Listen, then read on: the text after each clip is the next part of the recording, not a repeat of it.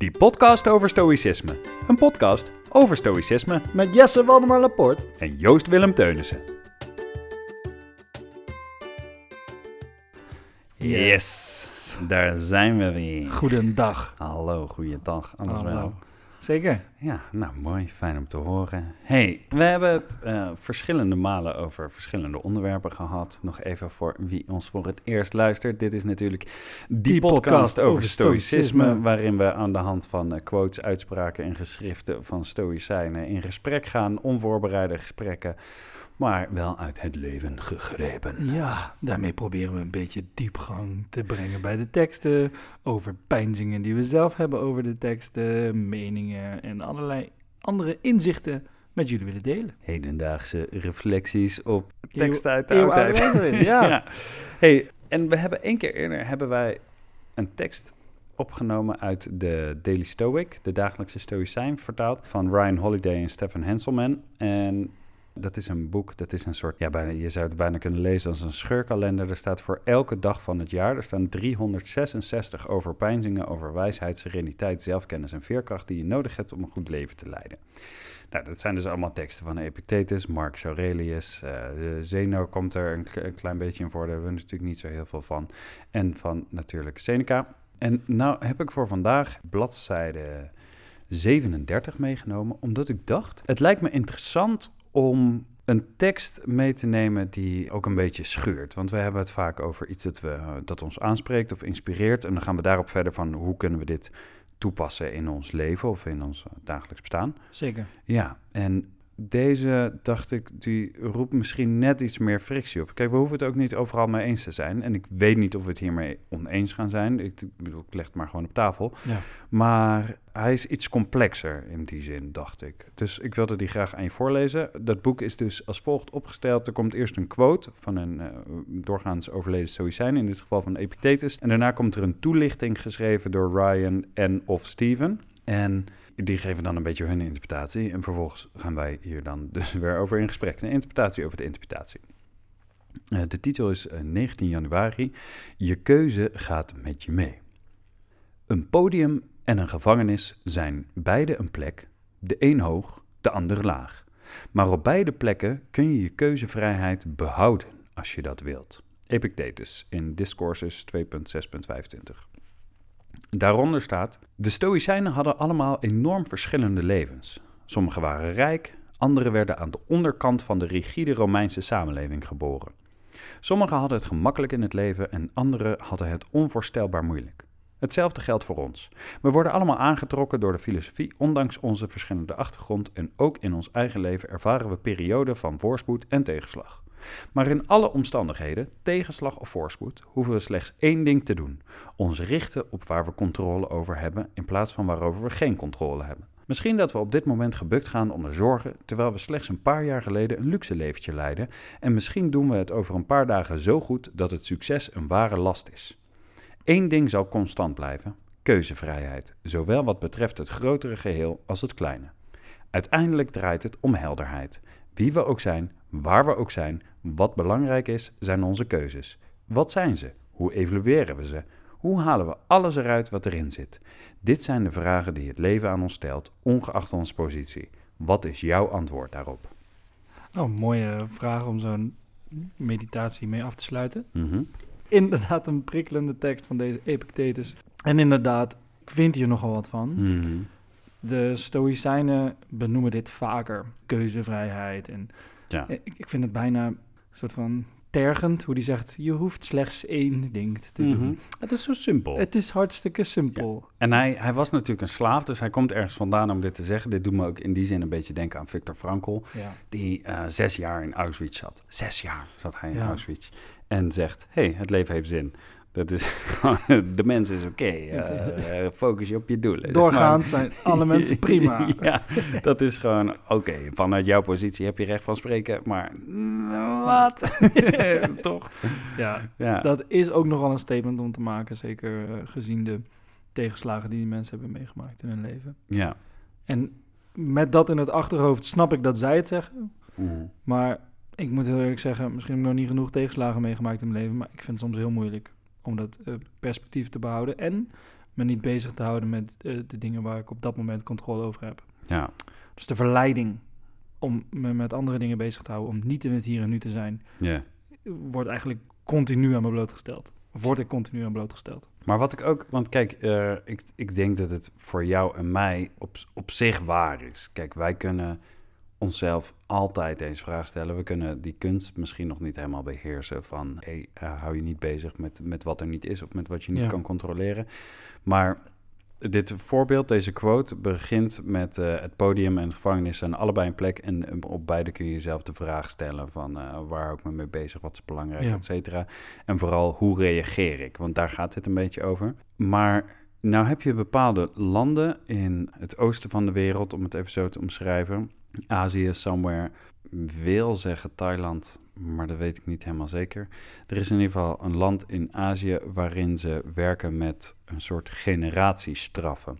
En dat betekent dat wanneer jij soort de hoogste vorm van, nou ja, misstap hebt begaan, dat niet alleen jij, maar ook je kinderen en hun kinderen in gevangenschap zullen opgroeien. Dus dat betekent dat jij wordt vastgezet, maar je kinderen ook. En mochten die kinderen krijgen, die ook. Dus dan krijg je een soort drie generaties straf.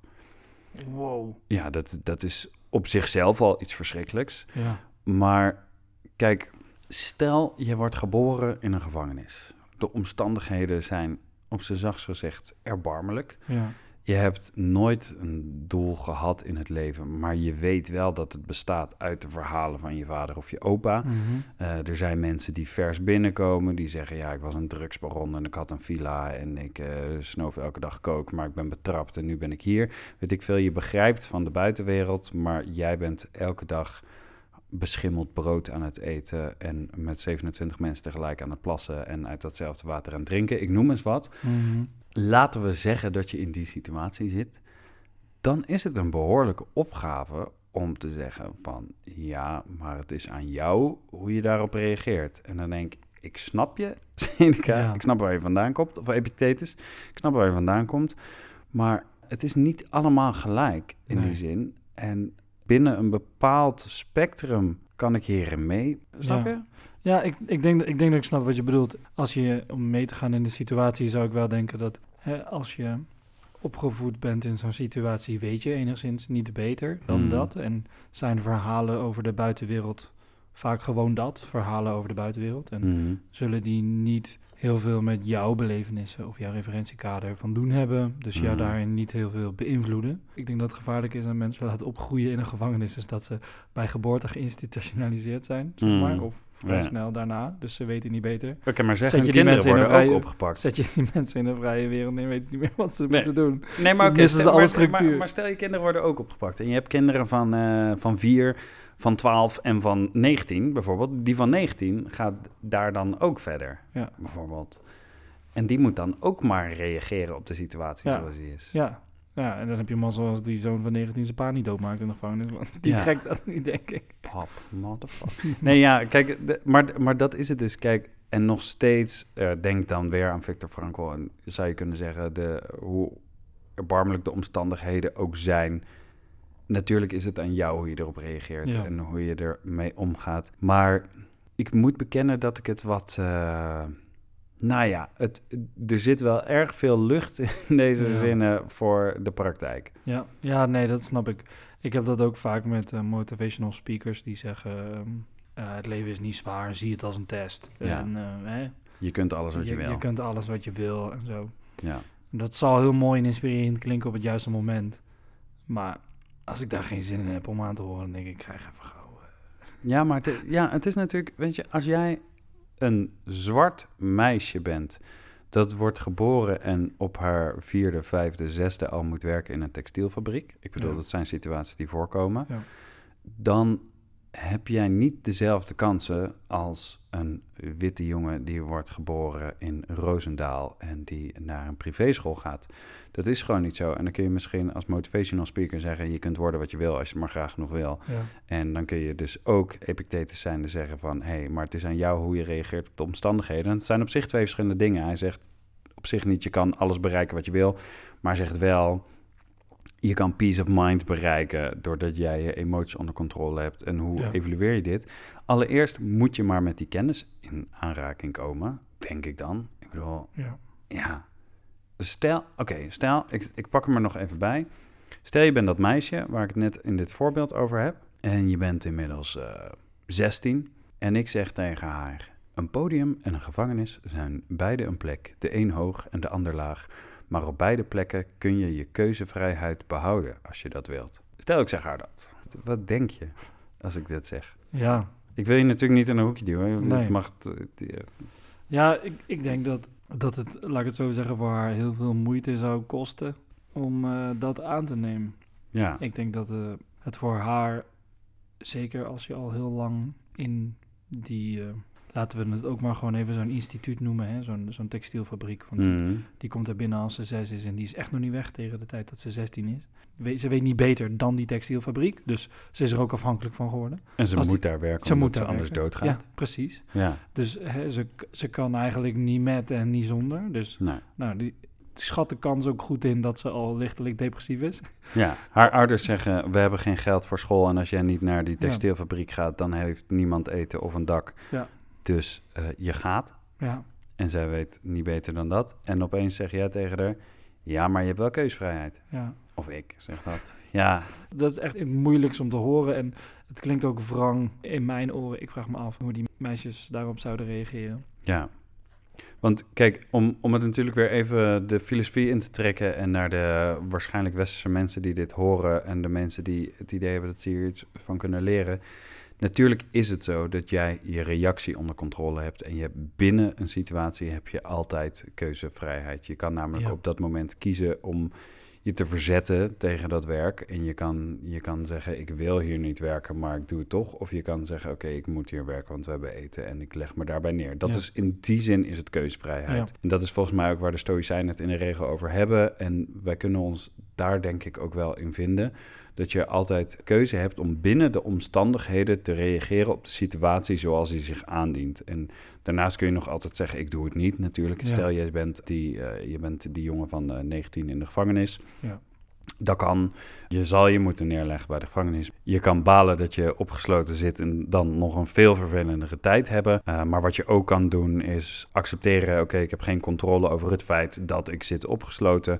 Dus wat ga ik doen? Ik ga proberen te genieten van het stukje brood dat ik wel heb. Want ik had eventueel ook geen brood kunnen hebben. Ik ga genieten van het feit of genieten. Ik ga omarmen dat ik, dat ik naar de wc kan. Dat ik bij mijn vader in het celblok zit. Weet ik veel, dat soort dingen. En dat is, ik merk ook als ik dit zeg van ik meen het wel, maar ik zou het nooit tegen iemand kunnen zeggen natuurlijk. Ja. Ik zou niet, stel ik zou bezoeker zijn en die jongen van 19 zegt, yes, het is zo verschrikkelijk. Ik was gewoon aan het studeren en ik had kans op toekomst en bla bla, nu zit ik hier. Dat ik dan zeg, ja, maar dit is nou helemaal zo. Dus je leg je Leg neer. ja, je zit wel mooi met je vader in het cellenblok. dus, uh, snap Ja. je? En, en dat, dat is een beetje het dilemma waar ik tegenaan loop bij, bij deze quote. Ik kan het plaatsen, ik ben het er in zekere zin mee eens dat, dat we inderdaad keuzevrijheid hebben van reactie. En dat is in het dagelijks leven ook waardevol. Alleen is het gewoon niet toepasbaar op iedere situatie. Ja. ja, dat denk ik ook. Ja. En daarvoor zijn de culturele, maatschappelijke verschillen soms gewoon te groot. Wel is het zo dat wij vaak vanuit een, uh, een westerse lens naar uh, andere Mm. zaken kijken en zeggen: Oh, wat erg en verschrikkelijk. Ja, ja. Gaan we erheen? Dan zeggen die mensen: Nou, we hebben het prima. Ja, we ja, lullen ja, ja. ja, we hebben natuurlijk ook weer andere, ja. Hele, hele andere geschiedenis, hele andere culturele waarden natuurlijk. precies. Ja. Nee, dat is, ja, nee, tuurlijk. Maar dat, dat gaat denk ik ook deels over, oh, wat erg, moeten jullie op een kameel verplaatsen? Hebben jullie geen internet? Weet ik veel, zeg maar een Ja, beetje ja. van die, van die naïeve westerse z- zicht. wel. Wat? Zijn jullie de hele dag in verbinding met, met miljoenen mensen? Je zit in een auto die de wereld kapot maakt. Dus zeg maar, in die zin heb je natuurlijk ook blikken om er naar te kijken. Maar we, ja, we kunnen wel degelijk zeggen dat we natuurlijk willen dat iedereen uh, nou, niet in gevangenschap opgroeit. Zeker. Dat, dat, dat gun je niemand. Nee. Maar dit is wel voor het eerst, en dat, ja, laat ik daar maar gewoon eerlijk over zijn. Dit is wel voor het eerst dat ik er ook bij stilsta. Dit is natuurlijk wel een westerse filosofie. Ja. En ondanks dat het gaat om een heel open en accepterende en, en voor mij redelijk alles overkoepelende en praktische filosofie gaat, ja, is het wel bekeken vanuit mensen uit Italië Ja. en, en Griekenland, die, eh, ja, zeg maar, kijk, ondanks dat eentje natuurlijk een slaaf was en eentje een, een bootramp ternauwernood overleden, eh, overleefde en alles kwijtraakte, en eentje de raadgever van de keizer was en vervolgens zichzelf eh, verplicht van kant moest maken. Eh, Ja. Ze, ze hebben het niet makkelijk gehad, maar het waren wel witte westerlingen. Ja. ja, ze hadden het doorgaans toch goed, Ja, naar omstandigheden. Ja. Ja, zou je dat wel kunnen zeggen. ja. Ja. En dat is ook het. het, het, eh, ik vind het mooi dat je dat zegt, want dat zet voor de eerste keer in deze podcastserie een, een kanttekening Ja. aan het stoïcisme. ja. En een soort tussen haakjes, zo van. ja. Stoïcisme is, wat je waarschijnlijk in de eerste aflevering ook al hebt gehoord, voor ons een hele waardevolle filosofie. ja. En je benoemt die praktische kant.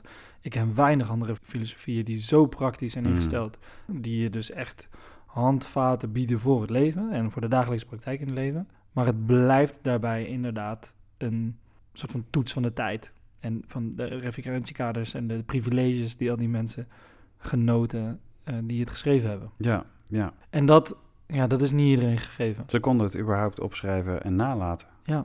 dat kon ook niet iedereen. Ja, nee, precies. Een van hen was een keizer. Ja, ja, ja, ja. de filosoof Ja, keizer. Ja, ja. Ja, en, en dat is natuurlijk het, het aan die hele situatie. Is zo van, oh ja, hartstikke leuk, maar dit is uit ontzettend privilege ontstaan. ja. Behalve natuurlijk Epictetus. Ja, oké, maar ja, die had het daarna, die had het laatste leven, de laatste jaren van zijn leven natuurlijk ontzettend goed. Ja, en die heeft natuurlijk inderdaad ook nog steeds mazzel gehad. Want ja, no offense, hij was een slaaf, maar hij is wel een slaaf die een leraar werd. En Ja. die shit kon opschrijven. Ja, Ja. heeft het daarna heel goed gehad. Misschien dankzij zijn stoïcijnse Ja. mindset, zal hij zelf zeggen. Nee, absoluut. Maar er zit wel een soort progressie in en dan wel een... ehm, Kijk, hij was slaaf en die slavenmeester brak zijn been. Maar, maar hij kon nog lopen. Ja, en hij Ja. heeft er een grapje over gemaakt. En Ja. hij heeft het opgeschreven. Ja, en hij. Is, en hij is doorgegaan. En dat is zeker prijzenswaardig, maar het feit dat je in staat bent om daarna die situatie te overstijgen, spreekt ook wel deels over je eigen instelling en deels over privileges die je daarin meekrijgt. Nou ja, wat ik daar nog over wil zeggen, ik, ik denk dat het goed is. Ik denk dat als de Stoïcijnen nu met ons meekijken, als, als ware filosofen, dat ze denken, nou, het is goed dat jullie meekijken, of meedenken. De wereld was toen natuurlijk kleiner. Wij hebben nu een andere blik dan dat zij 2000 jaar geleden hadden. Ja, En ik denk dat het goed is dat we in ieder geval blijven nadenken over de kennis die wij toegediend krijgen. Ja, het, zou, het zou naïef zijn om alles maar blind aan te nemen. Ja. En het stoïcisme nodigt heel erg uit om het blind aan te nemen. Ja. Absoluut. Omdat het gewoon vaak zo sterk is. En ik denk dat het goed is dat we hierover praten Ja. en dat we daarover nadenken. En dat maakt ons in die zin. eh, nou ja, een, een beetje stagiair filosofen natuurlijk. Dat, we, dat we er vragen bij stellen. Dat, dat is goed dat we dat doen.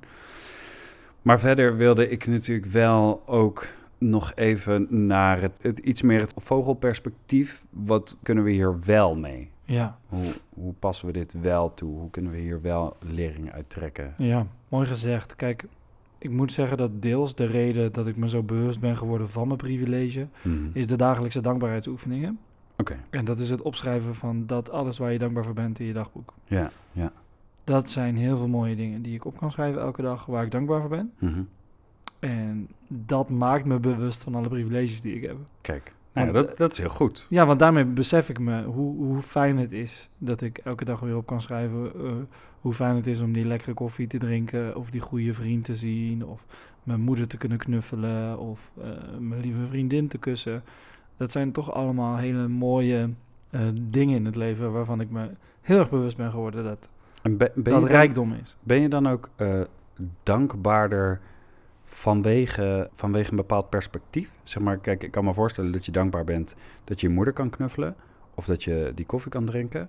Maar ik kan me ook voorstellen, is hard op denken hoor, eh, dat die dankbaarheid er deels is omdat het dus niet vanzelfsprekend is. En als iets niet vanzelfsprekend is, is dat dus omdat je naar een groter plaatje kijkt. Ja. Ja, dat zeg je mooi. Ik, ik denk zeker dat het niet vanzelfsprekend is.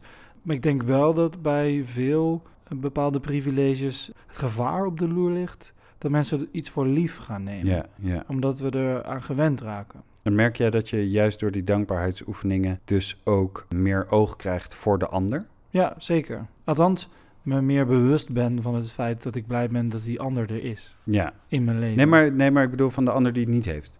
Eh, ja, ja, dat ook. Ja, Ja. dat jij doordat je kijkt naar, oh wow, ik heb die koffie, oh wow, ik, heb mijn moeder, Ja. dat er automatisch een soort besef komt van, want niet iedereen kan die koffie drinken of Ja. want niet iedereen kan zijn moeder knuffelen. Nou, dat gebeurt dus vaak, dus niet nadat ik het heb opgeschreven. Want als ik het heb opgeschreven, dan sla ik mijn boek weer dicht. Ja, En dan, dan ja. denk ik er niet meer over na. Maar als ik, zeg aan het eind van de maand of zo, een keertje terugblader Ja, naar al die dingen. En dan kun je met net iets meer afstand, ja, ja vaak precies. kun je dan zo Ja. terugkijken naar je eigen reflecties. Zo van, nou, waar was ik dankbaar voor? Wat heb ik geleerd van vandaag? Zulke soort vragen komen er dan terug. En dan blader ik terug en dan zie ik die dingen. En dan denk ik, oh, met een kleine lens van afstand Ja. zie ik dan ineens, goh, wat heb ik toch goed. Maar dat vind ik wel interessant. Dat op het moment dat jij, laten we zeggen, even die koffie. Dat is een eenvoudig voorbeeld waar niet al te veel emotie bij hoeft te komen kijken. Jij schrijft op dat je dankbaar bent dat je die, eh, die lekkere koffie kan zetten, maken, krijgen, drinken. Ja, kopen. Ja, kopen. Dat kun je allemaal ermee. Ja. Wat ik eigenlijk wil zeggen, er is een reden dat je dankbaar bent. En die Ja. reden is, die komt waarschijnlijk voort uit genot. Maar het feit dat je dankbaar bent, maakt dus dat je hem niet voor lief neemt. Probeert te nemen. Een soort, oh wauw. Ja. Maar er is dan op dat moment van dankbaarheid is er dus nog niet per se een, eh, een kader van andere mensen die dat niet kunnen. Nee, op dat moment eh, vaak nog niet. Nee, dus en, en wat is het dan wel? Zeker als ik bij die dankbaarheid denk ik terug aan de fijne momenten op mijn dag. Ja, ja, mijn, ja. mijn eerste koffie van de dag word ik altijd heel blij en vrolijk van. Het Ja. is vaak eentje die ik haal bijvoorbeeld bij de kiosk op, de, op het station. Ik ga nu echt even graven in die dankbaarheid, Ja. wat, wat dat dan is hoor. Want je kijkt terug op de dingen waarvan je geniet. Mee- nou, logisch. En dat maakt dus dat je er dankbaar voor bent. Maar het feit dat je er dankbaar voor bent, maakt dus dat je je niet helemaal als vanzelfsprekend ziet. Zeg ik dat goed? Ja, door me dit eh, dagelijks te blijven realiseren Ja, wat ik heb, ja, dus het tellen van mijn zegeningen, zoals de christenen zouden zeggen, eh, blijf ik me bewust van wat ik heb. ja, ja. En zou het kunnen dat je als mens meer geniet van dingen waarvan je weet dat ze niet vanzelfsprekend zijn? Absoluut. Bijvoorbeeld dus, want dan krijg je wel weer zo'n knuffelen van je moeder. Ja, Als, als jij iemand kent die zijn moeder is verloren en jij de volgende dag je moeder ziet, dan uh, dat kan dan opeens extra waarde geven. zeker. Ja, Ja. En nu zit ik dus inderdaad te kijken naar, uh, nou ja, dat het best wel bijzonder is eigenlijk dat je dus niet meteen die koppeling hebt met andere mensen, Mhm. maar dus wel begrijpt dat het ook niet vanzelfsprekend is. Ja. Maar dat het niet vanzelfsprekend is, heeft wel weer een soort kader nodig. Snap ja je wat precies. ik bedoel? Ja, ja, ja. Uh, dus je bent blij met die koffie, maar niet bezig met dat iemand anders die koffie niet heeft. Maar je begrijpt wel dat jij die koffie ook niet had kunnen hebben, Ja. zeg maar. Dat, ja, ja, ja, dat begrijp ik wel. ja, en. Dat, dat is eigenlijk uh, best wel interessant. Dat ehm, op het moment dat jij geniet van iets, dat je je bewust bent van het feit dat dat genot misschien ook afwezig had kunnen zijn. Of dat het je, Ja. het, dat het je als het ware is komen aanwaaien. Dat je soort, ik geniet wel van deze Ja. koffie, maar die koffie had er ook niet kunnen zijn. Ja, Zonder dat je daar per se voor nodig hebt jezelf te meten aan iemand die die koffie niet heeft. ja precies. En ik weet ook niet of dat goed of slecht is. Eh, Dat is er niet natuurlijk, goed of slecht. Ja, Maar dat is waar ik ja. Nu achter kom. Ja, mooi dat je dat zegt. Ik had een oud docent en die zei altijd: er bestaat geen goed of slecht, alleen de mate waarin iets betrekking heeft op iets anders. En de Stoïcijnen zeggen dit natuurlijk ook. Ja, die zeggen dat ook in zekere zin. Ja, ja. Dus dat, dat vond ik ook heel leuk. Toen dacht, bedacht ik me ook op dat moment, toen ik dat, met dat realiseerde, dacht ik ook: wist deze docent dat Hij was sowieso een Stoïcijn. zij, Zij. zij. Heette ik ze Ik, wil er, ik wil er ook gewoon gelijk even in dat ik zit te denken... Ik kan me ergens zo voorstellen dat de Stoïcijnen de mensen zijn die zouden zeggen dat het juist goed is om jezelf niet te meten aan het bezit of het genot en de afwezigheid van genot van anderen, maar dat je puur die dankbaarheid voor jezelf kan beleven. En dat, dat is nog steeds hard op denken hoor. Maar ik kan me dus voorstellen dat misschien juist wel sterk is dat jij kan genieten van je koffie zonder dat je daarvoor nodig hebt dat iemand anders het niet heeft. Want stel je nou eens voor dat letterlijk iedereen, 7 miljard mensen, die koffie hebben en jij er dan dus niet meer van kan genieten omdat het geen uitzondering meer is, dan is je dankbaarheid dus alleen maar betrekkelijk.